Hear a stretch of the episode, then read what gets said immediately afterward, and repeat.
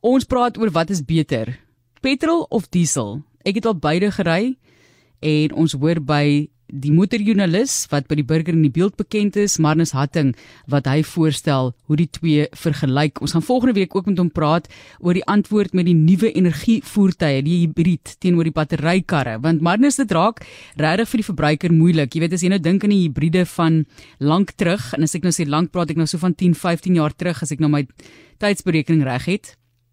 In daai tyd het hulle op 'n stadium 'n baie bekende Duitse motor uh, handelsmerk vergelyk met 'n hibrid in terme van energieverbruik en daai Duitse luxe motor het gewen en dan dink jy maar jy weet doen jy regtig die regte ding. So jy is hier om vir ons daarmee te help. Baie welkom. Baie dankie. Nou, Uh, dit is vir my ek dink dit is volgende week se topik in elk geval se onderwerp maar die ehm um, die tegnologie ek dink mense moet onthou tegnologie ontwikkel altyd en dit ontwikkel vinnig veral as die ouens so groot vervaardigers baie geld insit in so 'n projek. Jy weet ehm um, die wetgewing dwing hulle op die oomblik so hulle baie geld in, in navorsing in. So die tegnologie ontwikkel dan met um, met groot spronge. So dit is die een ding ehm um, as 'n ou na kyk na iets wat 10, 15 jaar terug se se tegnologie teenoor vandag. So dis wat ons maar in gedagte moet hou. So ons vat ons 'n stuk stuk en jy wil begin by petrol vandag en jy 'n verwys na tegnologie wat verander. Die tipe tegnologie wat geïmplementeer is in petrol engines deesdae? Ja. So die groot die die groot sprong het maar hulle gekom met met turbo tegnologie wat so in die vroeë 1980s het dit gekom in in met in, in gesinsmotors en dit het dadelik vir petrol engines 'n groot sprong vorentoe gegee wat jy um, 'n ligte verbruik het, jy het goeie krag en alles en is vinnig en dit is amper 'n standaard energie vandag.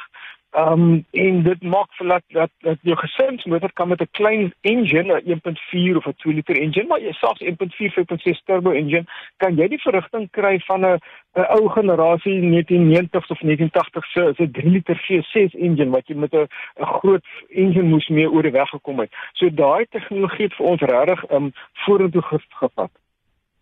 Ons gesels dan oor wat is beter. Jy is welkom om saam te praat op die SMS lyn. Sê maar vir ons wat jou ervaring is. Jy het nou gepraat van die turbo engine tegnologie en in die 80 sê jy nou het dit kommersieel pos gevat by gesinsmotors. So wat is die voordele van daardie turbo tegnologie? So hy gee basies maar vir jou met 'n klein slagvolume met 'n kleiner engine, ehm um, gee vir jou goeie werkverrigting. Jy kan um, jy kan 'n skaar woonwa kan sleep met hom um, met 'n kleiner engine en verleer dit sou jy met 'n groter 3 liter of 'n 5 liter V8 oor die weg moes kom. Nou kan jy met 'n 2 liter turbo kan jy dieselfde dinge doen. So jy 'n kleiner engine nodig en die die voordele daarvan is dan so jy het 'n minder brandstofverbruik vir daai petrol engine en jy het ook 'n 'n laer 'n kleiner uit uh, emissies wat jy vrystel, minder emissies so wat skadelik vir omgewing is. So die turbotunnel tegnologie vir vir engines vir petrol diesel wat ons later oor praat, dit het regtig vir um, daarmee help vir ons. Lande se voorkeure, voorkeure liewer verskil geweldig. Ek was nou die dag in Nederland en ek sê ja, maar ek sien baie min van hierdie ek verwys hom maar weer want dit is baie gewild in Suid-Afrika hierdie luxe Duitse motors. En hulle sê vir o oh, nee, dit is kom en verby. Jy weet as jy hierso 'n uh, luxe Duitse motor sien ry dan is dit 'n taxi. so voor het my gesê so as jy kyk na die lande of markte en hulle voorkeure ja.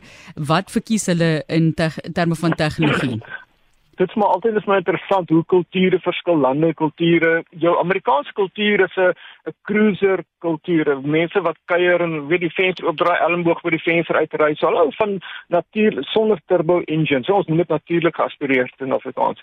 So hulle ry met V6 V8 onthou jy dalk in die 1990s het 'n vanilla ice gesing van Roland in my 5.0 so jy wil roll jy wil cruise met jou 5.0 jou 5 liter V8 sonder 'n turbo. So dis 'n kultuur in Amerika En in Japan het hulle hulle hou van klein engines, maar hulle hou ook nie van turbo engines nie. Jou daai tegnologie engines wat 'n fynere tegnologie is, dit kom aan jou Europese vervaardigers, die Italianers, die Franse, die Duitsers. Hulle het weer sterk voorkeur aan dit.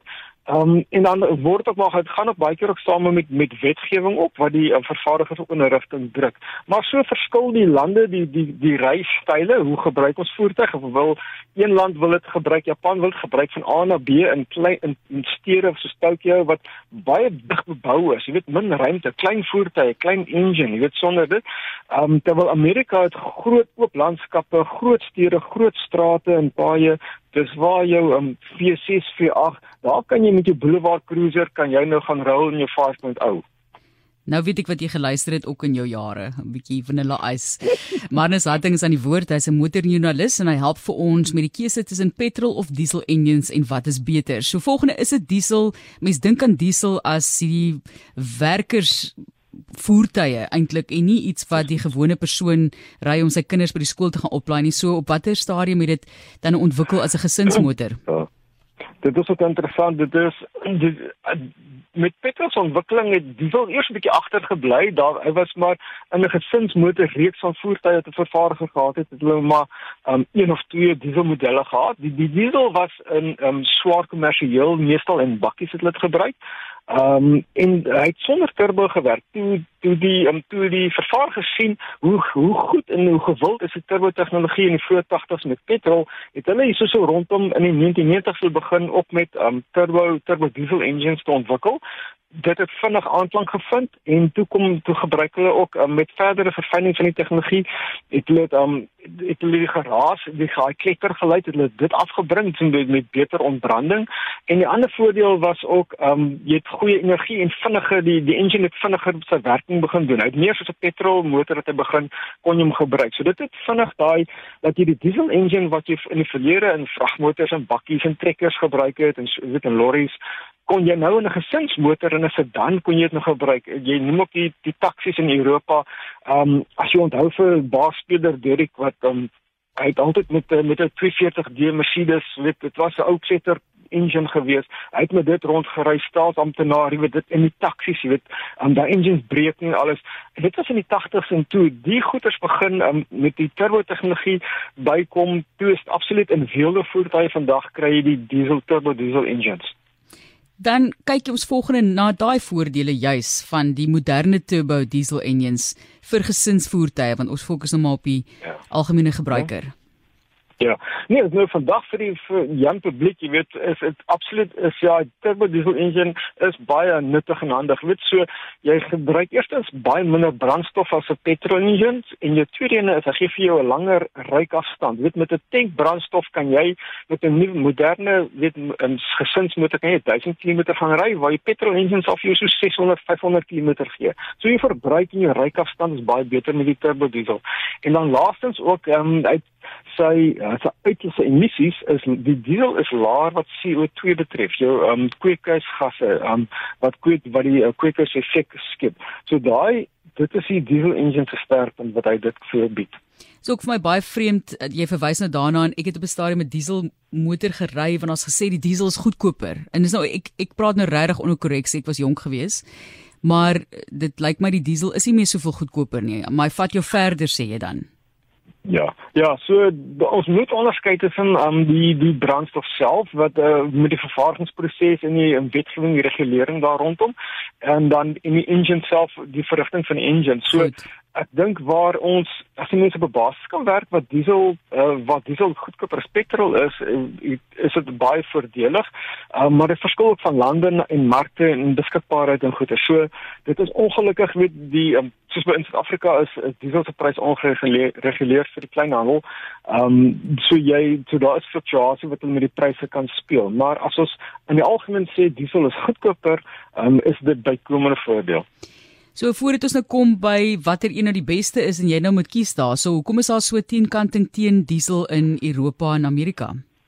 Presies. Dit het nogals ehm um, uh, Amerika is meer van 'n kultuur afstuk wat dit ingekom het. Dit is uh hulle omdat hulle hulle hulle agtergrond is maar petrol engines. Die Europese vervaardigers het in die 1990 en 2000 hulle met groot um, vooruitgang met verkope begin maak. Hulle het met hulle voertuie het hulle General Motors, Ford, Chrysler onder druk gesit. Um, En absoluut daar was 'n uh, begin om daar aan mens kan presies 'n skuiwer gat gesoek om om om uh, verkoop net om te kan uh, of of of kan te, te kan terugslaan, jy weet van 'n Amerikaanse oogpunt uit. Ehm um, die die Dieselgate skandaal dit het in 2018 gebeur. So dit was ehm um, waar die Duitsers die Volkswagen groep, hulle het begin om sagte ware te ontwikkel, ehm um, wat ehm um, wat emissies wat 'n wat 'n beter emissie telling kan gee op 'n toets as die voertuig getoets word. Maar as jy in al, algemeen gebruik dan gee hy 'n swakker emissie en blaas meer vuil lug in in die, in die lug uit. Ehm um, so daar was uh, die Duitse vervaardigers het daar gekroep daarso, hulle is uitgevang, dis die Dieselgate skandaal. Ehm um, en hulle is gepenaliseer, weet so die en uh, en nou so ons moet ook kan sommer eintlik um, vir antisipeer die volg wat 'n mens verder kan sê is dat ehm um, Ja, emissies, daar's daar's twee faktore. Daar's ons kyk na CO2, dis koolstofdioksied, en dan kyk ons ook na NOx, ehm um, stikstof. So stikstof is die een wat giftige, dis 'n giftige gas, ehm um, dis sleg vir mense en dier. En CO2 is gaan saam met ehm um, die die kweekers effek wat hy skep hierdie um, kweekers effek wat ehm um, aardverwarming veroorsaak. Uh die diesel engine is ligter, hy gee minder CO2 uit, maar jou petrol engine is weer beter met met die stikstof. En die wetgewing vandag gaan fokus dan veral op op stikstof, op die NO2 op die NO gasse, um, om om dit hoog te slaan, om dit uit te skakel en dis waarom ons minder um, petrol en diesel engines in Europa vandag gaan sien want wetgewing sê ons moet eerder met nuwe energie engines um, of voertuie te werk gaan. Sjoe, jou kennis Marnus is net verbuisterend hoor indrukwekkend. So ons wil weet wat is beter, petrol of diesel engines en Marnus Hatting gaan dit nou vir ons volgende beantwoord en in aggenome dan jou antwoord, die toekoms ook van daardie keuse wat jy nou maak want 'n mens dink aan parte vervang in die toekoms en so aan my motor loop al amper by 200 000 km. So jy weet 'n mens moet dit in, in ag neem. Marnus, wat stel jy voor? Wat is beter? Ja, yes, korrek. Daar's 'n klomp ding maar gedagte gehou. Ek is 'n voorstander van van turbo diesel van die diesel tegnologie. Dit is vir my vir vandag in Suid-Afrika, nie noodwendig elders in die wêreld nie, vandag in Suid-Afrika met 'n 10, 15, 20 jaar horison is daar nog baie plek vir diesel engines, diesel motors, 'n uh, veelde sedan, 'n C-klas of 'n A4 Audi of 'n kleiner 'n luikerig motor met 'n diesel engine of 'n klein sportnuts met 'n diesel engine. Ja, as jy vandag een gaan koop, hy gee vir jou beter verrigting, hy gee vir jou langer ryafstand, hy gee vir jou uh, 'n ligte verbruik dis nou is 'n stil werkende moderne engine die teg, die die ontwikkeling is baie goed gewees en dan vir in Europa gaan jy dalk binnekort kan sukkel met wetgewing wat dit um, gaan beperk wat beskikbaarheid van onderdele goed gaan beperk in 2030 rondom. Maar in Suid-Afrika ons is nog ver agter daai kurwe. So vir as jy in Suid-Afrika voertuig wil koop of dit nou 'n groter sportnuts of 'n bakkie is of 'n gesinsmotor 'n luikerig weet diesel ek sal altyd vir die ek beveel mense aangaan vir die diesel engine en hy gaan hy gee jou meer voordele as vir die petrol engine. Daai gee dit, Marnus, ons sê vir jou dankie. En volgende week is dit dan nuwe energievoertuie, die hibrid teenoor die batteryvoertuie. Wat een is die beste? En is kompleks want dit het soveel verskillende ek wil sê politieke elemente in daai gesprek. So wees daar ingeskakel volgende week die tyd. Baie dankie Marnus. Baie dankie. Hy is 'n motorjoernalis by Burger en Beeld en jy kan hoor hy weet waarvan hy praat. So volgende week die tyd kan jy inskakel om te hoor wat jy moet koop indien jy op die uitkyk is vir 'n nuwe voertuig.